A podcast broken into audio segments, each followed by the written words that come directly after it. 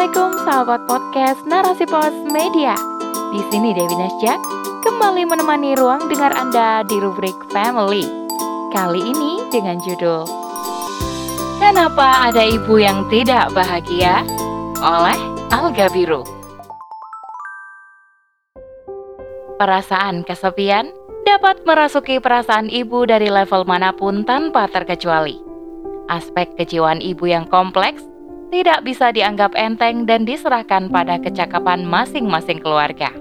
Oleh karena itu, peran negara dan masyarakat turut menentukan kebahagiaan seorang ibu. Selengkapnya, tetap di podcast Narasi Pos Media. Narasi Pos, cerdas dalam literasi media, bijak menangkap peristiwa kunci. Ibu adalah tempat pertama kita mengenal kenyamanan, kehangatan, dan kasih sayang. Sosok yang berjuang demi kehidupan kita sejak dari alam rahim, kelahiran, hingga membesarkan anak yang dulu dikandungnya selama sembilan bulan. Dalam pengorbanan seolah yang tiada habisnya, bagaimana bisa seorang ibu kemudian memilih menghabisi nyawa sang buah hati? Tidakkah ini bertolak belakang dengan cinta dan kasih sayang itu sendiri? Patut diingat, selain sosoknya yang lembut, ibu merupakan figur yang rentan. Sistem sosial yang tidak mendukung aktivitas ibu yang paripurna akan menggoyahkan ibu hingga keluar dari fitrahnya. Ketika seorang ibu melahirkan bayi yang dikandungnya, ia langsung bekerja untuk menyusui sekehendak permintaan bayi. Sementara itu, aktivitas menyusui tidaklah semudah kelihatannya. Aktivitas pengasuhan bukanlah sesuatu yang nature, tetapi lebih dekat kepada nurture yang artinya perlu effort alias ada usaha untuk memahami, menganalisis, mempelajari, dan memilih pada akhirnya.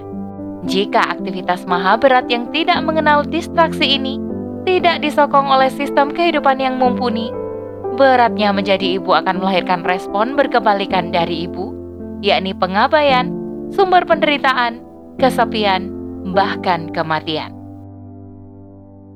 Seorang ibu gantung diri di Pinrang, Sulawesi Selatan.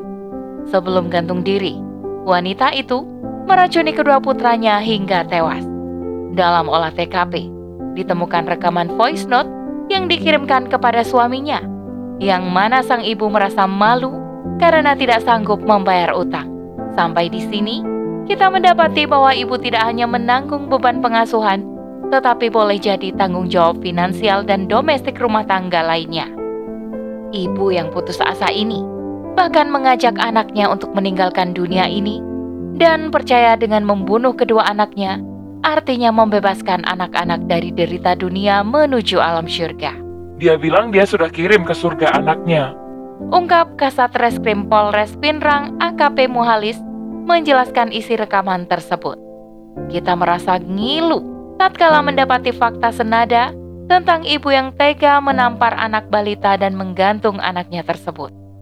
Lantaran sang suami tidak menafkahi, ibu asal Lampung tersebut gelap mata dengan melampiaskan kemarahan kepada anak. Maka benarlah sebuah ungkapan yang menyebutkan bahwa titik kebahagiaan sebuah keluarga berasal dari sosok ibu. Kebahagiaan ibu adalah kebahagiaan seluruh keluarga dan seharusnya sistem masyarakat kita lebih peka dengan aspek yang melingkupi kehidupan para ibu. Kenapa ada ibu yang tidak bahagia? Bagaimanakah pemicu stres menjauhkan ibu dari kebahagiaannya? Faktor ekonomi memberi porsi yang cukup besar memicu stres di kalangan ibu-ibu, baik ibu rumah tangga maupun ibu bekerja. Namun, bukan berarti ibu yang memiliki kecukupan finansial pasti terbebas dari resiko depresi atau stres. Rahel Gurvik, penulis buku The Doula Advantage, Your Complete Guide to Having an Empowered and Positive Birth with the Help of a Professional Childbirth Assistant, mengatakan bahwa kehadiran anak sering kali menjadikan seorang ibu terisolasi dan kerap merasa kesepian.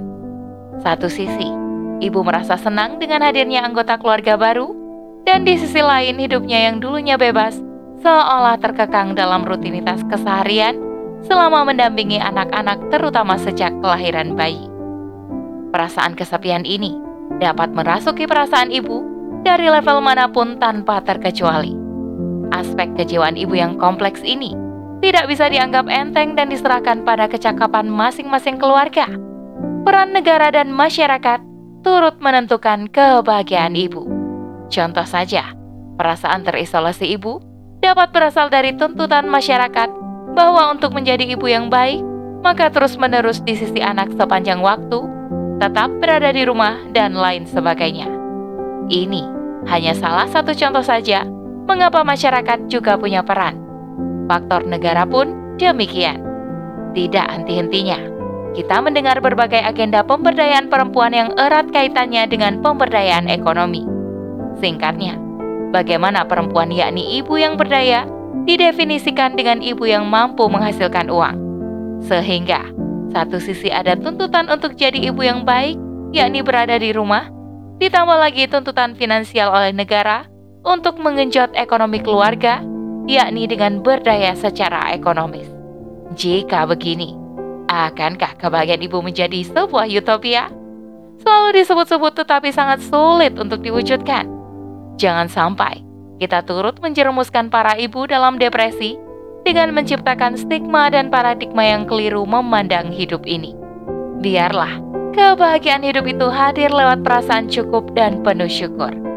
Bahkan, kita bisa bahagia tanpa harus menjadi siapa-siapa selain diri sendiri yakni hamba Allah yang apa adanya. Tulisan ini dibuat dengan keresahan untuk mencari jawaban dengan perenungan-perenungan selanjutnya. Wallahu a'lam bishawab. Demikian rubrik family kali ini. Sampai bertemu di rubrik family selanjutnya. Saya Dewi Nasya kundur diri. Assalamualaikum warahmatullahi wabarakatuh.